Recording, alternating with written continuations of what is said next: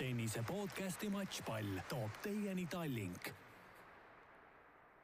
tere kõigile tennisesõpradele, on laupäev, kahekümne üheksas juuni ja Matšpalli podcast on eetris järjekorras seitsmendat korda. mõistagi oleme täna esmaspäeval algava aasta teise suure slam'i turniiri Wimbledoni ootuses, aga võtame kokku ka äsja lõppenud viis Eastbourne'i naiste turniiri.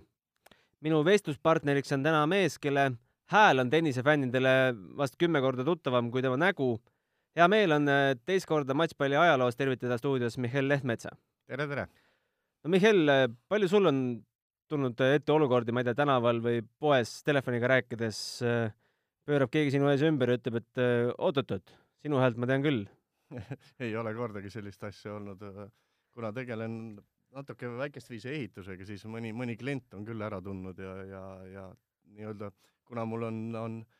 nimi nii-öelda päris tavapärane Eesti nimi ei ole, siis, siis sellega on ikkagi nägu ja hääl kokku pandud, aga ei, ei ole küll poes küll keegi juurde tulnud. no mul küll oli French Openil äh, selline olukord, et äh, see oli eestlaste jaoks mänguvaba päev, kohtusin seal ühe eestlasega, kes oli oma tütrega mängu vaatamas, üks Eesti mees, äh, ütlesin, et ma olen Delfist ja ütles, et aa, jaa, Mihhail, tere. ütlesin, et ei, vabandust, ma olen ikkagi Gunnar Lehest, et aa, okei okay,, sind ma nii väga ei tea aga tuled just eh, Tatari tänava stuudiost, eh, kommenteerisid eh, Pliskova ja Gerberi finaali, e-spordi finaali, mille siis Pliskova võitis kindlalt kuus-üks, kuus-neli, kulutades selleks vaid energiat tunni ja kolmeteist minuti jagu. kuidas sina selle Tšehhitari võimutsemise kokku võtaksid? no väga ulme mängu mängis, ütleks niimoodi, et, et ma ei, ma ei, ma ei kujuta ette, kes võiks Pliskovat võita Wimbledonis, kui ta, kui ta niimoodi jätkab nagu Eastbourne'is, et äh,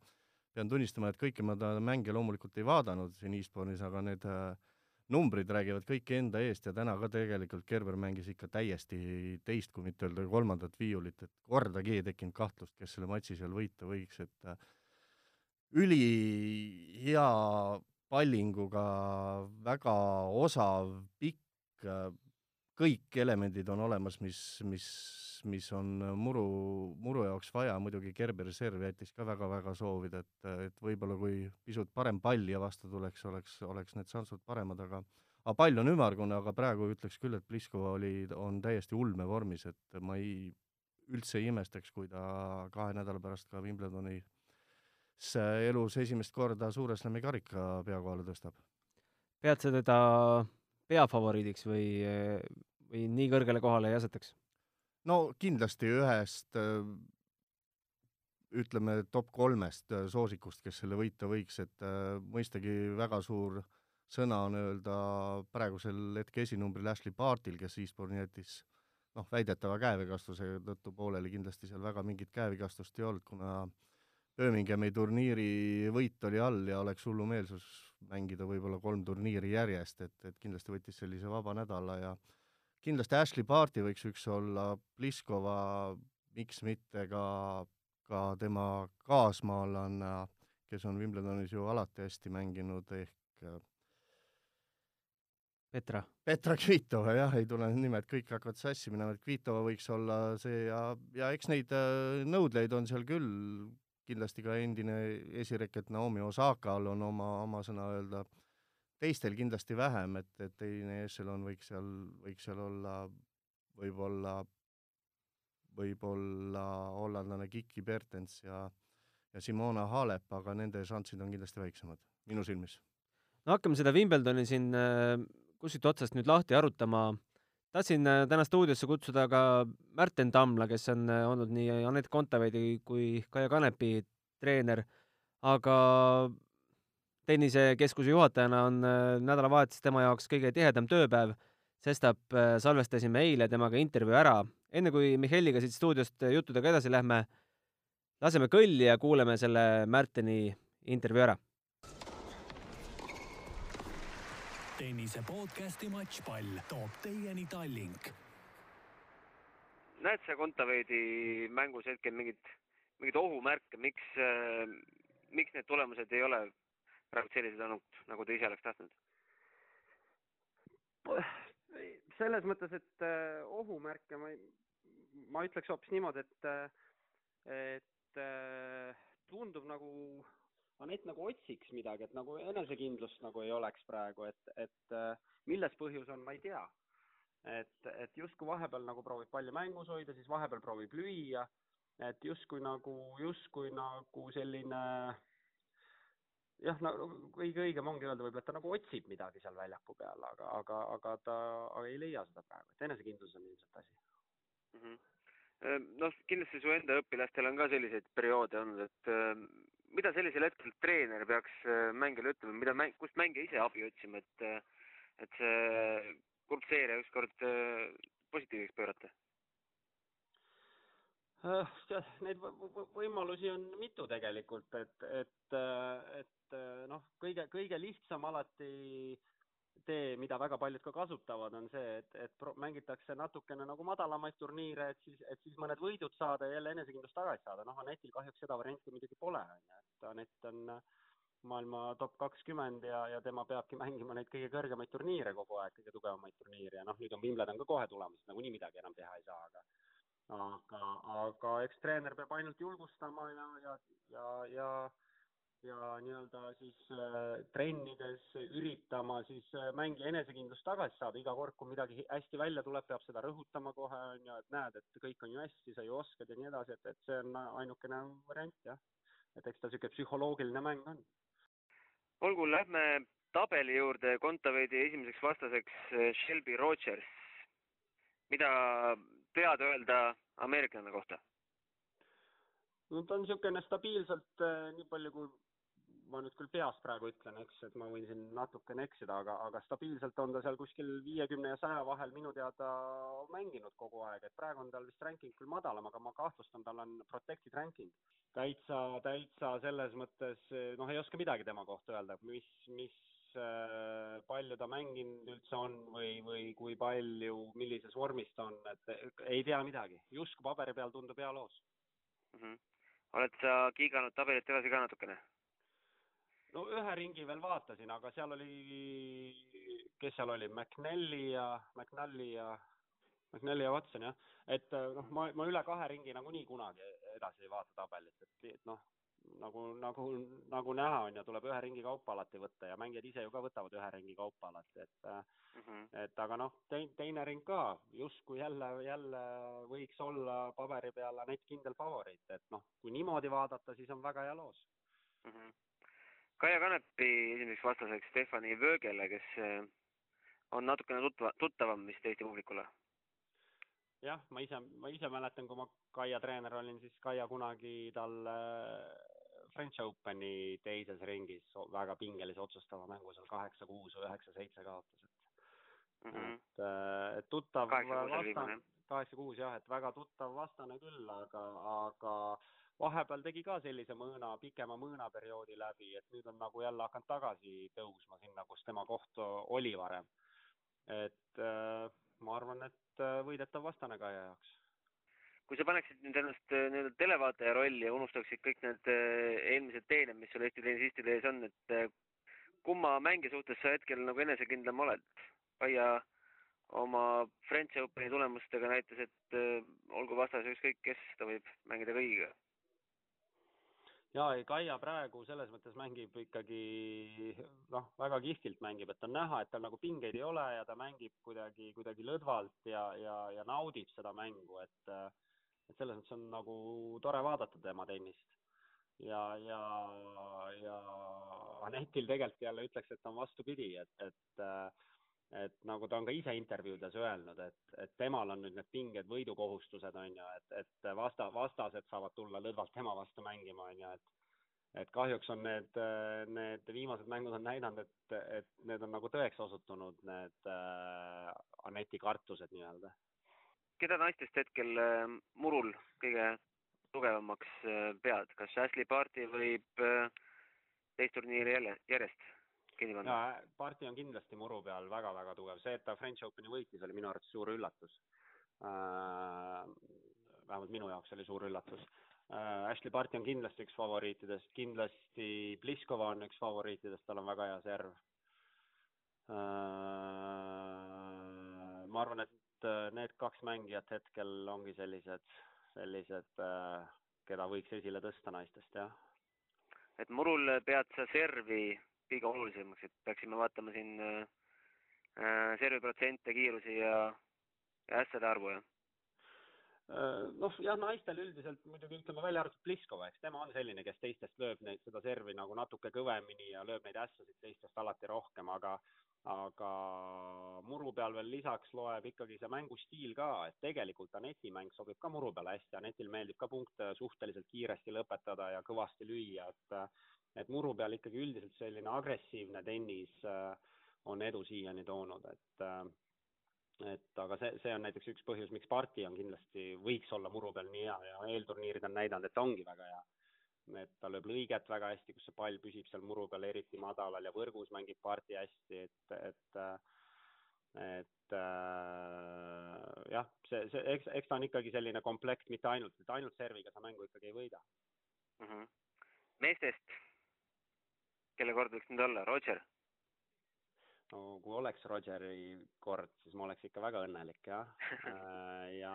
aga Rogerit ei tohi muru peal kunagi maha kanda, nüüd ta Halle turniiri ka just jälle võitis, et Roger on muru peal alati, on olnud hea ja jääb alati, niikaua kui ta mängib heaks. aga, aga noh, ma, ma arvan, et Djokovic kindlasti on ju, tema on ikkagi nüüd jälle tippvormis olnud. Tegelikult ei tohi rahvat ka kunagi maha kanda, mis siis, et on tema te mäng nagu ei ole muru jaoks mõeldud, aga, aga noh, ta on näidanud, et ta on võimeline Wimbledoni võitma. ja noh, kindlasti on seal veel ohtlikud on Sil-, Sil-, Silic on ju väga tugeva serviga. et eelmine aasta finalist Anderson kuidagi see aasta nii hästi pole mänginud, et Andersoni ma võib-olla sinna favoriitide hulka ei paneks praegu tennise podcasti Matšpall toob teieni Tallink. selline oli siis intervjuu Märten Tamlaga. Mihhail, soovid midagi lisada siia Märteni jutule? jaa, selles suhtes, mis siin ikka lisada, et kõik on, on puhas tõde, mis ta rääkis, ka mulle tundub Kontaveit lisaks sellele, et ta otsib enda mängu, et on ta tõesti kuidagi, kuidagi ajevil ka seal väljakul, et tihtipeale tal väga tihti pilke otsib seal kas treenerit või, või kui turniiridel on ema seal, et et nagu kindlat mänguplaani ei ole ja kuidagi krampis on ta väljakul, et tõepoolest, ega ega need löögid ju kuhugi kadunud ei ole, aga, aga kogu see, kogu see kompott on vaja kuidagi kokku panna ja see kõik hakkab ju ikkagi, ikkagi kõige ülevalt ehk peast pihta. no need mängud, mida sina ka Delfi tv eetris siin nädala alguses kommenteerisid, kõigepealt Harry Etaart äh,, inglanna äh, kelle nimi võib-olla laiemale publikule väga palju ei ütle, ootamatult raskelt tuli ikkagi see võit äh, kolm-kuus, kuus-neli, kuus-kaks ja teises ringis Anna-Leena Friitsam, kes äh, siin äh, protected ranking uga, et oli ka vigastusega probleeme temal, kuus-kolm, kuus-neli kaotus. see oli negatiivne üllatus jaa, kindlasti kõik viimased matšid, mida ma netti näinud olen, on, on suhteliselt negatiivsed üllatused olnud, et selline äh, et äh, oleks üks-kaks äh, halba matši satub siin paari kuu peale, on, on teine asi, aga kuidagi tõepoolest see, see mõõnaperiood on väga pikaks läinud ja ja me ju täpselt ei tea, et, et äh, kogu aeg me oleme rääkinud, rääkinud, et, et klapp treeneriga on väga hea, et tundub väga hea, aga, aga ega me sinna telgitaguseid ju päris täpselt ei tea, et mis seal toimub, et võib-olla sealt midagi, väga keeruline öelda, igal juhul igal juhul, kui seda Wimbledoni loosi vaadata, siis, siis peab äh, teist turniiri järjest ütlema, et, et no Kontal tegelikult, Kontaveidil tegelikult ikkagi unelmate loos, et, et äh, Shelby Rogers, nagu, nagu Märten siin rääkis ja ja võimalik teise ringi vastane siis McNally või Watson, et noh, ütleme niimoodi, et pool aastat tagasi poleks mingit küsimust olnud, et, et kes, kes sinna kolmandasse ringi jõuab, aga aga see aasta jah, et äh, võimatu ei ole, et, et jälle Kontaveit siin esimese ringi järgi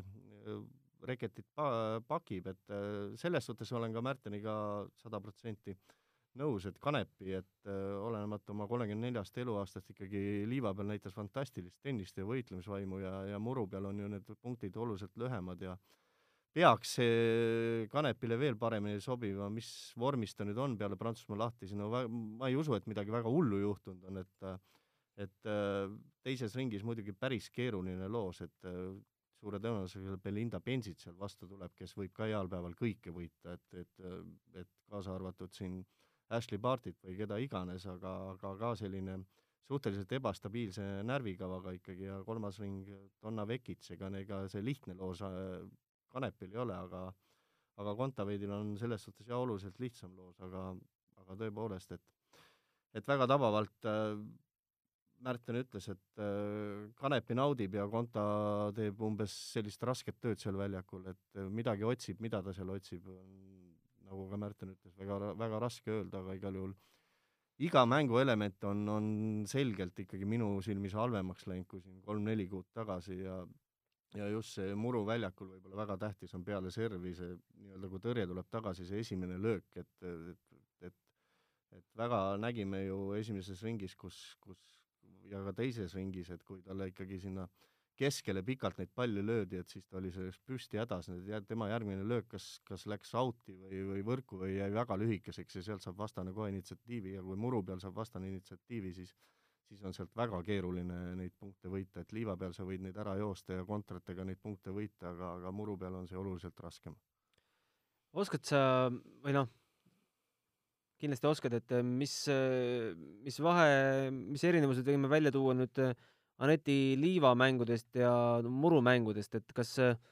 näed, et see nii-öelda sellest august välja tulemine hakkab nagu kuskile suunas paremaks minema või mingeid positiivseid hetki ikkagi nendest mängudest ju ka leidsime? no võib-olla sina leidsid, aga pean tunnistama, mina väga ei leidnud, et, et et väga keeruline ja kogu see ma olen armastanud ikka eelmine aasta väga palju öelda, et Anetil, kui ta väljakul on, on selline heas mõttes tapja pilk silmades, et et äh, viimased turniirid ma ei ole seda näinud, et nägu on suhteliselt selline kahvatu ees ja, ja ma ei saa, kindlasti ei saa väita, et Anett ei tahaks neid matše võita, kindlasti tahab, aga aga ta tõepoolest ei, kuidagi ei leia seda teed, et äh, paar head lööki, siis tuleb kolm-neli sellist väga jämedat tõrjeviga jälle siia otsa ja ja esimeses ringis ju eeskäsi oli, ma ei tea, kas kas esimese nelja-viie geimi peale Eeske Kross lendas seal oma, oma kümmekond tükki külje pealt välja või, või pikaks või võrku või mida iganes, et et löök, mis on tennise mõistes ju kõige lihtsam, et äh, see kõik hakkab ikkagi, ikkagi, ikkagi peast pihta ja, ja, ja selgelt äh, kordame veel kord üle, et, et psühholoogiliselt äh, on ta praegu madalseisus, loodame, et, et Wimbledonis võib-olla paari esimese matšiga ta selle enesekindluse leiab, et, mis meil muud loota on. noh, mänge sisse me ei näe, aga äkki, äkki ta ise paneb endale liiga suured pinged peale ja top kakskümmend, kus ta nüüd päris mitu nädalat on ikkagi olnud, et äh, hakkab äh, vaikselt mõjuma. oi, ta on seal juba rohkem olnud, ta on mitmed kuud seal olnud, seal top kahekümnes ja tõepoolest, võib-olla tõesti, ega, ega ei tea, et, et isiksused on kõik erinevad ja, ja ja naised on, on ju, ju veel keerulisemad olevused kui mehed, et tõepoolest, et väga-väga raske öelda, et mis selle taga on, aga eks treener peab ja, ja kogu see abipersonal ja, ja pere ja kõik peab selle kuidagi saama paika ja eelkõige Anett peab paika saama ja, ja tegelikult on Anett ju veel väga noor, et ta on kahekümne nelja aastane, et, et kindlasti ma usun küll, et et mingi hetk see, sellest madalseisust ta välja tuleb ja ikkagi enda, enda mängu leiab ja aga praeguse mänguga, kui me näiteks võrdleme tänast finaali, finaali siin Pliskova ja, ja ka Gerberi mängu ja paneme ikkagi Aneti mängud siin kõrvale, Eastbourne'i esimene ring, et, et noh, ka kõige suurem tennisevõhik saab aru, et klassivahe oli ikka päris märgatav, et, et et kindlasti Anett heal päeval ju kolm-neli kuud tagasi oli võimeline võitma ka Pliskovat ja Gerberit ja on Gerberit korduvalt võitnud aga, aga praegu on ta jah nii ja, ja ega me targemaks siin ei saagi, kui, kui esmaspäev või teisipäev ja vaatame, kuidas minema hakkab. Äh, Anett peaks alustama minu arvutuste kohaselt, äh, kuna ta ei ole nüüd äh, Gerberiga ühes tabeli pooles, siis esmaspäeval. ja Kaia Kanepi sain ma nii palju aru Indrek Tustitiga jutus, kes ka meil siin telefoniintervjuu, kelle telefoniintervjuu me eetrisse laseme varsti, et äh, Kaia valmistub äh, teisipäeval alustama. jah, ega see väga suurt tähtsust ei oma. väga vahet ei ole. see ei oma jah tähtsust, et mõlemad on kindlasti väga puhanud, et Anetil jaoks lõppes ka ju turniir kohe vist teisipäevaga ära ja või oli see lausa esmaspäev, ei teisipäevaga ja, ja Kaia pole ju peale peale Prantsusmaa lahtisi tenniseväljakul käinudki, mingid näidisturniirid ta seal mängis, aga noh, see on selline show värk. aga Aneti vastane, võtame tema ka kiirelt, nii palju kui me temast teame, kahekümne kuue aastane ameeriklane Shelby Rogers, kelle hetke edetabeli koht on kahesaja üheksakümne kolmas, küll aga nagu Anna-Leena Freetsami puhul võib seda üsna petlikuks pidada, sest, pidada, sest tema karjääri parim koht on neljakümne kaheksas ja eelmise aasta maikuust alates ta ühelgi turniiril kuni tänavuse Charlestoni turniirini ei, ei osalenudki, sest oli tema äh, kas see oli põlveoperatsiooniga väljas äh, ja nüüd äh, tänu äh, kaitstud edetabeli kohale ta üldse Wimbledoni pääseb. Märten ütles, temal Shelby'st väga palju aimu ei ole. võin arvata, et ilmselt ka mitte sinul? ei ole ka tõepoolest minul, et neid mängijaid on tõepoolest nii palju ja ma ei löö küll ette, et, et ma oleks, oleks Shelby't tenniseväljakul näinud, et, et olen täpselt sama tark kui, kui sina või Märten selle koha pealt no üks mäng on neil äh, siiski omavahel ette näidata, kaks tuhat kolmteist Aucklandi turniiri kvalifikatsiooni teine ring. Kontaveit alistas kuus-üks, kuus-kaks äh, Shelby Rogersi. ameeriklane oli siis äh, maailma sajakümne, saja kahekümne kuues reket, Kontaveit ise kakssada nelikümmend üheksa, et sellest mängust, mis on nüüd jäänud viie aasta tagusesse aega, ei tohiks ega saaks küll mingeid järeldusi teha, eks? see on juba kuue aasta tagune aeg jah, ja ilmselt siis äh, siis Anett oli kaheksateistaastane, et äh, ei tasu neid, neid vaadata, et äh, nii palju on kõik muutunud, et, et äh, see meile küll mingit pilti ei anna. Äh, Kaia Kanepi ka äh,, nagu öeldud, French Openi tulemused äh,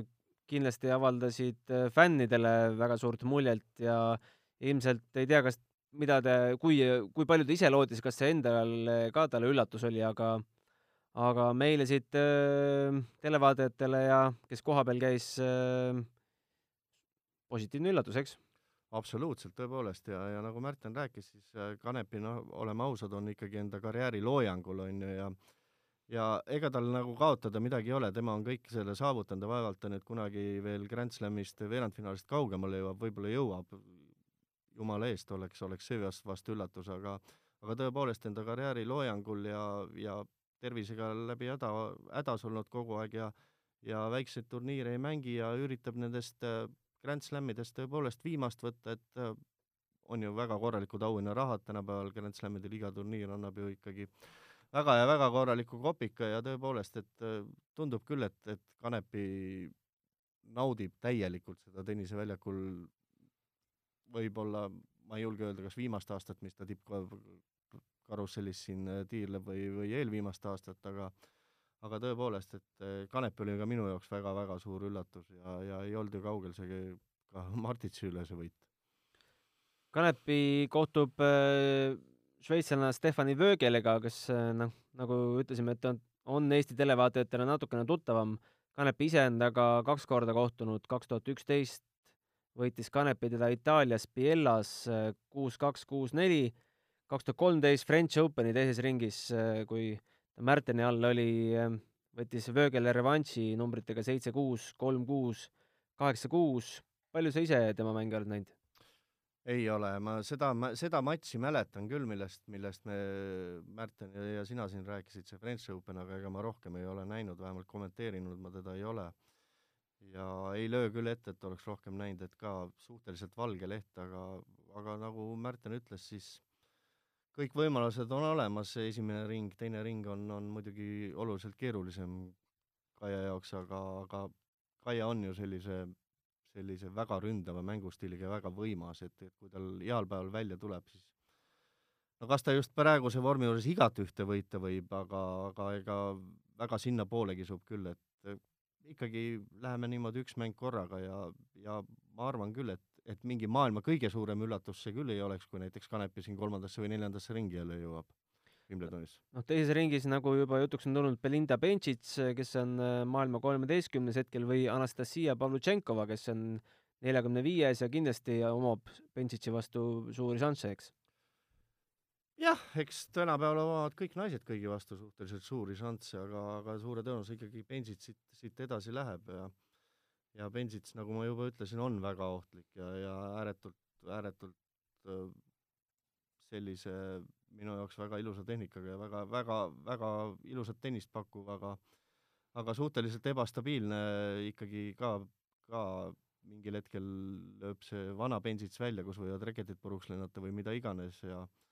ja kõik on võimalik. aga teeme siit stuudiost jällegi ühe väikse pausi ja kuulame, mida rääkis mulle eile Indrek Tustit, kes on Kaia Kanepi füsioterapeut ja on loomulikult seal kohapeal Wimbledonil Kaiale toetust avaldamas ja temaga siis tema vormi eest nii-öelda vastutamas tennise podcasti Matšpall toob teieni Tallink. alustuseks räägi, Indrek, palun äh, Kaia otsusest äh, mängida Liverpooli näidisturniiri, mitte ühtegi äh, eelturniiri. ma arvan, et seal ei ole väga suurt, suurt tähtsust sellel, millist, millist turniiri sa otseselt nagu mängima lähed, ennem lihtsalt tähtis on rohkem see murutunnetus ju muru peal, et et äh, näidisturniiril sa tead, mitu mängu sa saad ja noh, tema jaoks pigem nagu võib-olla, et olulisem hetkel oligi see, et sa tead, sa saad oma kuus-seitse mängu ja, ja see võib vahel võib-olla olla nagu kindla peale minek on parem kui minna kuskile kvalisid mängima. -hmm. Millise intensiivsusega, intensiivsusega need mängud äh, Liverpoolis olid? raske öelda, ma ei ole ise kohal olnud, et eks, äh, eks seda intensiivsust on raske hinnata, et noh, need äh, igasugused äh, näidisturniiride mängud või noh, ütleme sellised nagu exhibition ite mängud, et ega, ega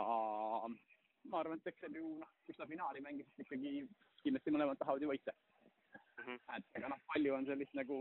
kergemaid mänge ka, aga eks seal saadki harjutada võib-olla erinevaid asju, mis sa tahad proovida ja nii edasi. Kuidas Kaia tervislik seisund hetkel on äh,? me eriti ei kurda hetkel nagu väga paljude asjade üle, et, et äh, alati, alati saab parem olla. aga, aga ei ole jah, ütleme sellist sellist asja, mille pärast nagu täna ei peaks väljakule minema. kas üleminek liivalt äh, murule on, äh, on tema jaoks olnud sel aastal nii, nagu ta on soovinud? on ta kohanenud? Ma loodan, et selles suhtes, et äh, ta peale, peale Frenchi tegelikult võttis algselt äh, ligemale kümme päeva, et lihtsalt muru peal nagu harjuda liikuma, et äh, mitte väljaku peal, aga, aga lihtsalt äh,, lihtsalt harjutusi jääks muru peal rohkem et aru saada, et kuidas jalad sellega harjutada, lihtsalt üleminekuperiood oli sel aastal teistmoodi kui eelmised aastad. et äh, ja siis, kui ta muru peal mängima hakkas, siis nagu ta ütles, et ei, et kõik on nagu okei okay. mm. -hmm. see tunnetus tuli nagu suhteliselt kiiresti. Mitu päeva ta nüüd äh, Londonis on harjutanud ja kellega? ta tuli kohale pühapäeval kohe peale Liverpooli ja täna on vist äh, minu arust kergelt lõi, lõi juba teisipäeval kolmapäev, neljapäev, reede, täna on neljas päev, et ta on praegu mänginud iga päev. mängib ta ainult oma treeneriga või tal on äh, sparringupartnerid ka? No sparringust on, täna on esimene, esimene kord, kus ta sparringut äh, mängib ja vist mängivad äh,, ma ei tea, kas äh, tiebreakerit või, või mängivad nad setti, et just seda tulingi praegu vaatama, et, mismoodi nagu asi välja näeb siis, kui, ei ole treeneriga mäng. millised nüüd need paar päeva enne turniiri algust veel teil välja näevad? eks need paar päeva enne turniiri algust on ikka ühesugused, nagu tal alati on olnud, et või noh, ütleme mitte alati, aga ütleme viimased paar aastat, et äh, kindlasti üks on, üks on kerge löömine ja üks on täielik puhkus, et et äh, ja siis äh, vaatame, milliseid trenne veel vaja teha on, et ega siin kolm või neli päeva on ju veel jäänud mm. -hmm. no mänguplaani koostab küll äh, Dusan Veemis talle, aga sinu mõtted Kanepi ja Vöögele vastasseisust? ei ole ühtegi mõtet mitte midagi öelda, ma ei ole vist Vöögele ühtegi mängu elus näinud mul ei ole nagu ma tean, et Šveitsi tüdrukud kõik oskavad mängida ja kõik mängivad hästi ja ütleme nii palju, kui ma Vöögelet tean, et ta, ta kindlasti suudab hästi mängida muru peal, et suudab jalgadest alla minna ja ja, ja šveitslastel on suhteliselt hea tehnika, et noh, vaatame, aga kuna ma ise ühtegi mängu nagu Vöögelet ei ole jälginud otsast lõpuni, et siis minu jaoks ma ei oska küll ühtegi hinnangut siin anda kummalegi poolele.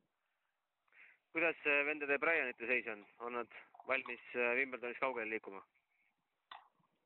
Ma arvan, et äh, vennad Brianid on alati valmis kaugele liikuma, et eks nende puhul juba tihti sõltubki sellest, et kui, kui hea see omavaheline energeetika nagu nendel väljaku peal tekib ja ja kui see, see on hea, noh, siis nad võivad jõuda igale poole alati, et see on nende puhul nagu üks, üks neid põhilisi asju pärast äh, French Openit äh, oli teil palju tooterdamist Kaia jalgadega või kuidas äh,, kuidas kannad vastu pidasid? noh, eks see põhiline tohterdamine oligi see, et, et praktiliselt äh, viis kuni seitse päeva ta võttis lihtsalt vabaks ja tegi oma rohkem nagu ütleme, üldfüüsilist jõusaali ja natukene lihtsalt harjutusi murudel, et jalad harju- harjutasid muruga. et selline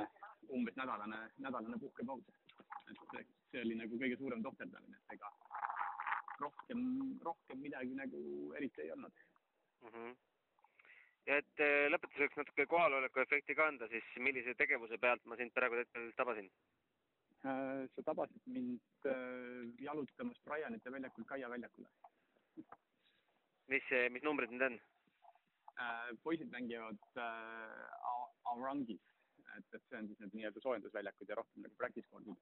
aga mm. -hmm. Kaia mängib siis selle ühe võimaluse, mis on võimalik võistlusväljakutel mängida, et on väljak kuusteist. ahah. Kaia väljakul äh, kohalolek on, on Kaiale oluline, oluline, et sa seal kohal oled või lähed lähed lihtsalt vaatama? ei, minu arv, mina arvan, et Kaia jaoks ei ole oluline, sest tal on Dušan on siin ja tal on äh, siin oma üks sõber on kaasas, kes temaga käib väljaku peal, noh, vaatab tema asju, et ma arvan, et see, et kas mina olen siin või ei ole, ma arvan, et see ei, ei oma mingit tähtsust. aga see on juba rohkem minu huvi, et ma tahan näha, kuidas liikumine kõik välja näeb, et siis ma selle järgi saan natuke vaadata, kas midagi on vaja veel võib-olla trennis teha või muuta. et, see on pigem nagu mu enda, enda huvi. tennise podcasti Matšpall toob teieni Tallink no tõe huvides äh, tuleks ära märkida ka, et äh, Kaia alistas seal Liverpooli näidisturniiril äh,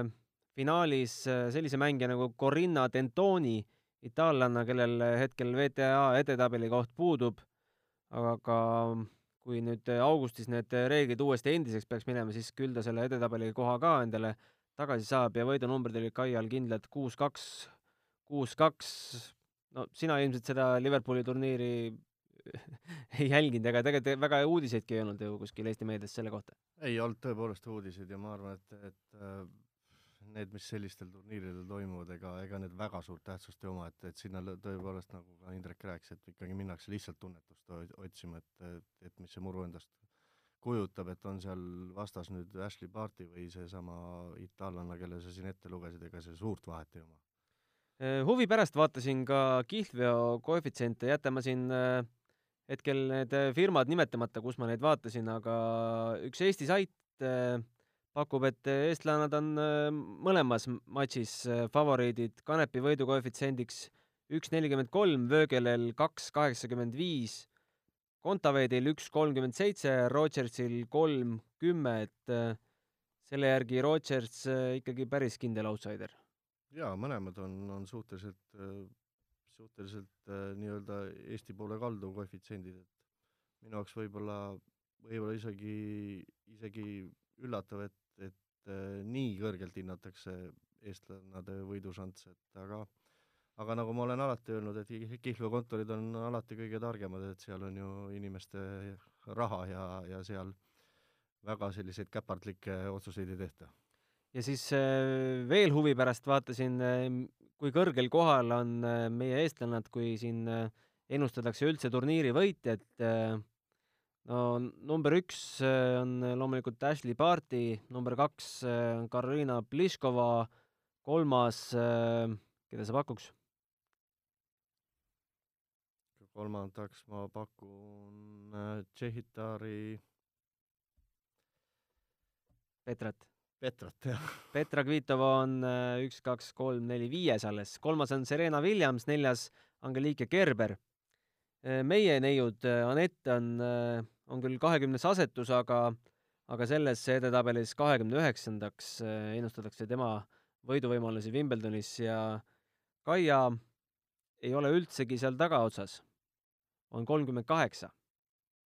jaa, päris, päris huvitav, aga aga jah, et äh, ka numbrid, mis tegelikult midagi ei näita, et äh, et äh, eks see, eks see Mammon ikka seal, seal need viis või kuus nime, mis me siin ette oleme lugenud, et, et sealt sinna, sinna lõppu peaks minema, isiklikult ma Serena Williamsi šansse ei usu ja usun, et see on sellise nii-öelda vana rasva pealt äh, see koefitsient, et et pigem ikkagi, ikkagi ikkagi need äh, neli nime, kes me siin ette oleme lugenud, Pliskova, Paarti ja Gerber ja, ja no kuidas mul see Tšehh Petra Kvitova. Petra Kvitova täna meelde ei tule, et et need neli nime, mina usun ikkagi, et on, on peafavoriidid. no enne, kui me lähme meeste turniiri spekulatsioonide juurde,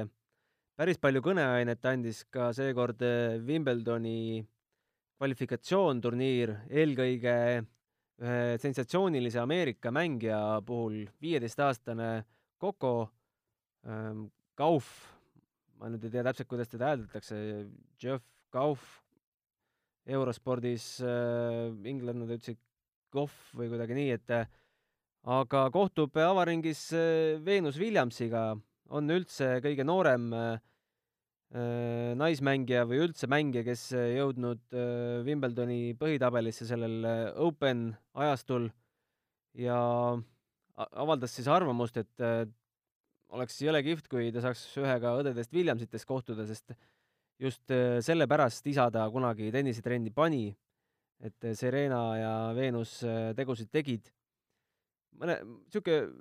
huvitav fakt lihtsalt, et naiste vanusevahe on kakskümmend neli aastat, mis tähendab seda, et kui Coco Gauff sündis, siis Venus Williamsil oli juba neli Suure Slami turniiri kotis.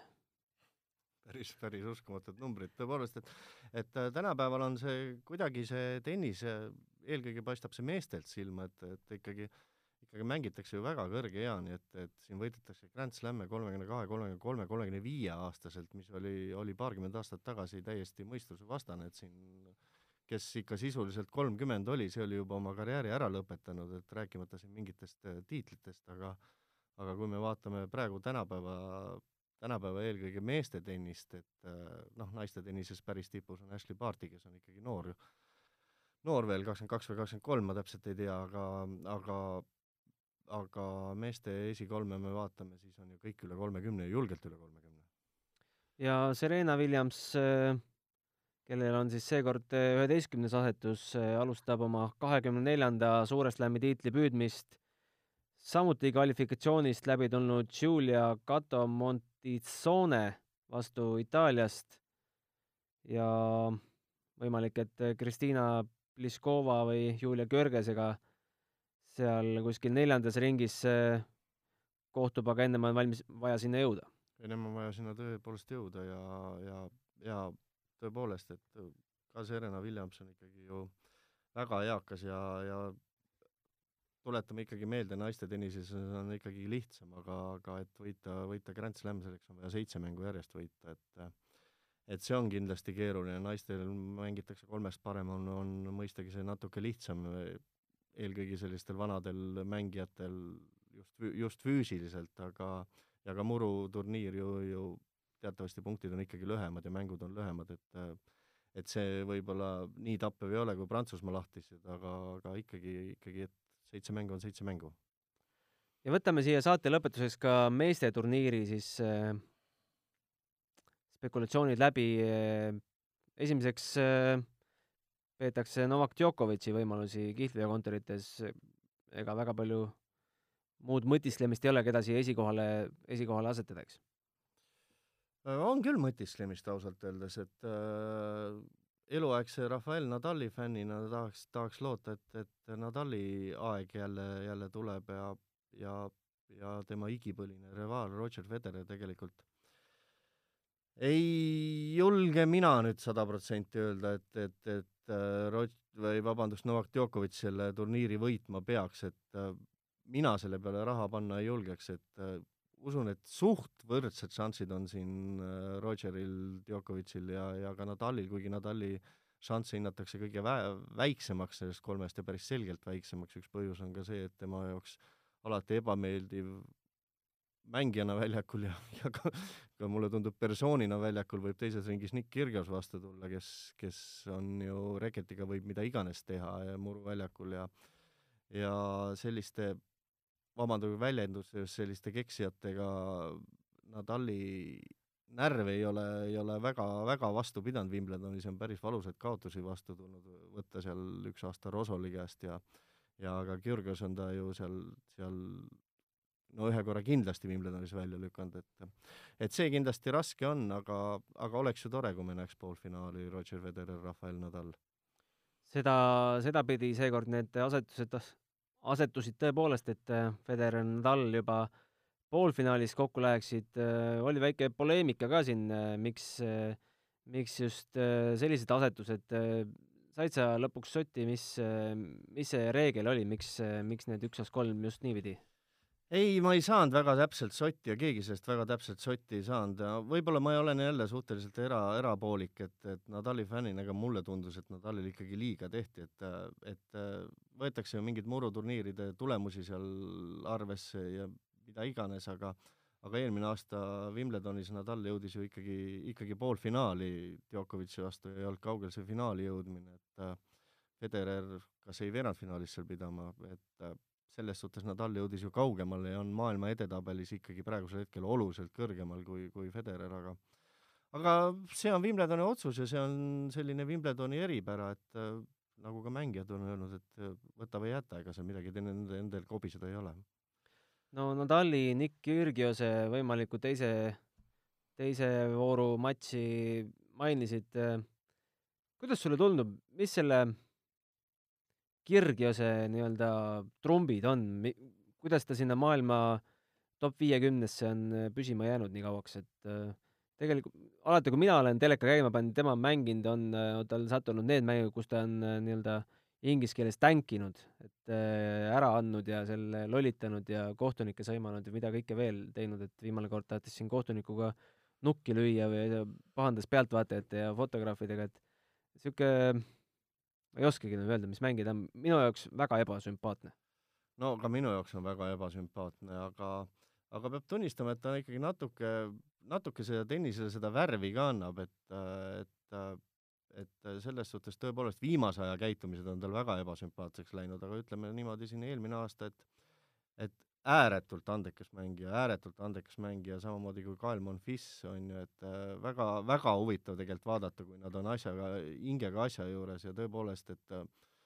et Kirgios võib reketiga mida iganes teha ja, ja kui tal nii-öelda ülevalt oleks, oleks äh, see nii hästi korras, kui, kui ta tennisemängu oskused on, lubaks, siis, siis ta võiks rahulikult, ma arvan, seal top kolmes olla, aga, aga aga praegust äh, tema käitumist ja kogu seda nii-öelda inglise keeles attitude'i vaadata, siis, siis, siis äh, väga raske, raske öelda, et no suure tõenäosusega vähemalt sellise suhtumisega sa elus ühtegi Grand Slami ei võida ja, ja, ja sinna top kümnesse ka asja ei ole. no huvi pärast panin äh, Nadali võimaliku teekonna finaali kirja, võrdlesin seda French Openi loosiga, kus tal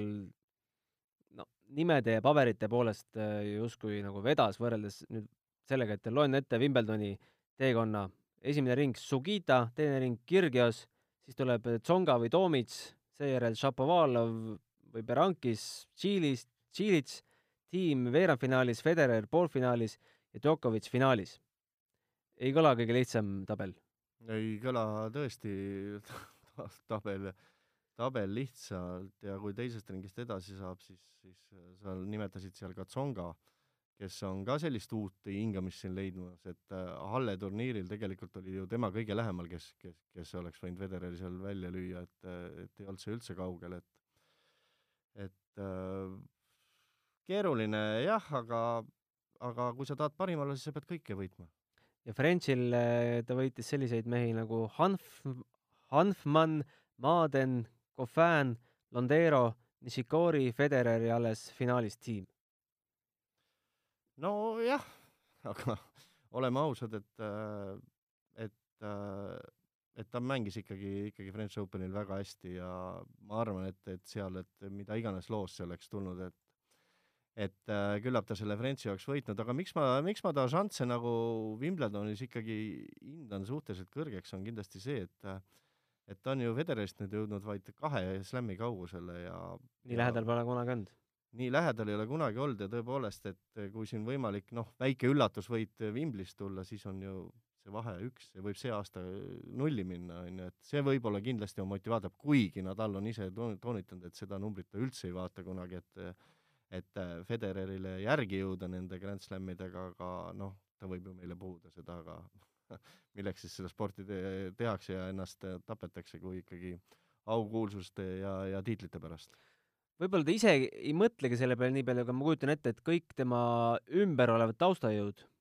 füsiotreenerid ja aeg-ajalt ikka lõõbivad, tuletavad talle seda meelde, et see kuskil kuklas ikkagi peab nagu vasardama. no kindlasti ma usun ka seda, et kui mul siin äh, paar kuud tagasi Päevalehest äh, üks ajakirjanik helistas ja küsis, et, et meeste tennise kohta siin, et Märt Roosna oli see ilmselt. Märt Roosna oli jaa, et, et kes selle läbi aegade siis kõige rohkem Grand Slami meestest võidab, siis ma esimese hooga pakkusin kohe Federer, et et liialt suur on see vahe Nadaliga, aga, aga pärast, kui ma selle intervjuu olin ära andnud, siis ma hakkasin isegi mõtlema, et see vahe ei ole ju nii väga suur, et tuleb see Grand Slam Prantsusmaal ära, mis tuligi, see intervjuu oli enne seda ja, ja nagu me rääkisime, kaks on vahet, et need kaks mängitakse ju see aasta välja. aga muidugi ärme unusta, et äh, peafavoriit on ikkagi Djokovic ja, ja, ja, ja kui Federer peaks siit selle nii-öelda Wimbli ära võtma see aasta, siis on see vahe jälle kolm ja siis on sinna jälle väga pikk tee minna. aga kõik on võimalik, et äh, ei, ei julge meestest siin, ma ütlesin, et, et sada protsenti öelda, et Djokovic selle võita võiks, aga aga üheksakümmend üheksa protsenti olen ma küll kindel, et, et selle meeste Wimbledoni võidab üks suurest kolmikust, kas Djokovic, Federer või Nadal ega Djokovicil ka just äh, esimese ringi vastasega just, et kõige rohkem ei vedanud, et äh, tegelikult üsna tuntud nimi, Philipp Kohlschreiber. jaa, Philipp Kohlschreiber Djokovici see aasta kindlasti ühel turniiril võitis, ma ei mäleta, kus, kus see turniir oli, aga, aga igal juhul omavahel nad see aasta mängisid ja ja Philipp Kohlschreiber on muru peal alati ohtlik olnud ja suhteliselt ebamugav vastane kõigile, kuigi see aasta Halle turniiril ta vist, kui ma ei eksi, kukkus lausa esimene ring välja, aga aga, aga Djokovic'i ta vähemalt minu arust küll see aasta, see aasta korra võitnud on ja, ja ei ole see sugugi väga lihtne algus. See võis olla äkki Roomas ja kaheksandikfinaal äh,, ei, siis võitis Djokovic. aga sa ütlesid, et ta on see aasta võitnud? no jaa, siis oli see Indian Wells ja äh, Äh, üks kuueteistkümnendik finaal, kuus-neli, kuus-neli. no väga võimalik jah, et, et, et äh, väga, väga kogenud mängija ja, ja muru peal alati ohtlik, et tõepoolest Djokovic'i esimese ringi loosiga küll vedanud ei ole, aga aga ikkagi, no see oleks ikkagi väga suur üllatus, kui viiesetilises mängus Kohlschreiber suudab Djokovic'i üle mängida, aga noh, mõnes mõttes võib-olla Djokovic'il ei vedanud, aga samas saab sellise hea stardi turniiril, et et eh, eks need eh, sellised top eh, sada ja allpool mängijad, ütleme, Federer, Nadali, Djokovic'i suguste mängijate jaoks esimeses ringis on ikkagi paras rutiin, et et võib-olla on see mõnes mõttes hea Djokovic'i jaoks, et hea äratus kohe alguseks. Federeri vastaseks esimeses ringis lõuna-aafriklane, kahekümne kahe aastane Lloyd Harris, kelle edetabeli koht on hetkel kaheksakümne seitsmes. temast ei ole õrna aimugi, aga, aga veel kord ütlen, et, et kõik need esimesed ringid meeste puhul vähemalt me, nagu me siin lahkasime, lahkasime siin meie naisi ja esimese ringi vastaseid, siis meeste puhul kindlasti Djokovic'i, Nadali või Federeri Wimbledoni esimese ringi väljakukkumine oleks kohe hoobilt selle aasta kõige suurem tennise üllatus. absoluutselt ja kahjuks seekord jälle ei näe me põhitabelis Jürgen Soppi, kes taaskord pidi kvalifikatsiooni esimeses ringis tunnistama prantslase Quentin Halise kuus-seitse, kuus-seitse paremust. noh, napilt see mäng läks, aga kaotus on kaotus. kaotus on kaotus jah, et äh, ise seda mängu ei näinud, aga käisin paar päeva, paar päeva, või vabandust, enne käisin paar päeva tema isa juurest, aga tema, kus, kus ka Jürgen üles kasvanud on, tennist mängimas üle pika aja ja rääkisime seal isaga ja ja jah, eks ega, ega tundub, et, et äh, Jürgen ka praegu väga ei naudi seda, seda väljakul olemist ja seda edetabeli kohta ja, ja kõike seda ja seda, nagu ma aru sain, see Wimbledoni, ma ei ole tõsi käinud seal, kus see kvalifikatsioon mängiti, aga aga tema isa Paavo näitas mulle koerakuudi ees olevat muru ja ütles, et see muru on parem kui see, kus kvalifikatsioon mängitakse, et no raske öelda, aga, aga tõepoolest Jürgeni jaoks on, on väga keerulised aastad, aga aasta olnud, aga loodame, et, et äkki, äkki tuleb veel uus noorus tagasi, et mine tea, et ei ole ju veel maailma kõige vanem tennisemängija. Jürgen Soppi on äh, varsti võimalik ka eestlastel näha oma silmaga kahekümne kolmandal juulil peaks algama, ma võin nüüd äh, natukene siin äh, ei, kahekümne kolmandal juulil see turniir kindlasti ei hakka, pärast, nädal pärast Eesti meistrivõistlusi algab Pärnus Merca Open ja Jürgen Sopp on lubanud seal osaleda ja miks mitte vahelduseks Challengeridelt üks samm tagasi teha ja ITF-il kodus võistelda. loomulikult, et, et äh, nagu me siin seda intervjuud algasime ja Märten ütles, et, et võiks ju neid väiksemaid turniire, et enesekindlust saada ja, ja miks mitte proovida seal, seal väiksematest jälle, jälle step by step minema hakata, aga, aga eks ta väga keeruline see tee on, et et kui sa ikkagi kukud sealt nii-öelda sellest potist välja, kes saab äh, Grand Slamidele kvalifikatsiooni peale ja kui sa sinna kvalifikatsiooni enam peale ei saa, et et sealt on väga-väga keeruline jälle üles minna, et see vajab tohutut tahtejõudu ja kas Jürgenil seda on, mina ei julge seda öelda, aga loodame. loodame muidugi. tuletame kuulajatele meelde, et äh, meil on ka meiliaadress, kuhu saab saada küsimusi, endiselt ühtegi küsimust ei ole veel äh, selle Matšpalli podcasti ajaloo jooksul äh, meile laekunud, aga aadressiks, kus seda teha saab, on tennis.delfi.ee. küsige mida iganes, soovitage teemasid, küll me need küsimused siin ekspertide abiga, nende, nendega vastused saame ma tänan, Mihhail, et sa said tulla. mis see järgmine turniir on, mida sa nüüd Delfi tv-s kommenteerid, on sul kalender peas? Kalender peas ei ole päris, ei jõua neid kõiki, aga Delfi TV-s on, on meil põhimõtteliselt, kui lühidalt rääkida, kuidas meie graafik ette näeb, et näitame kõiki premeerklassi turniire, kui peaks äh, kas Kaia Kanepi või Anett Kontaveit mängima Internationali, siis üritame ka neid näidata. näitame kõiki premeerklassi turniiride finaale ja näitame kõikide Premier Mandatoori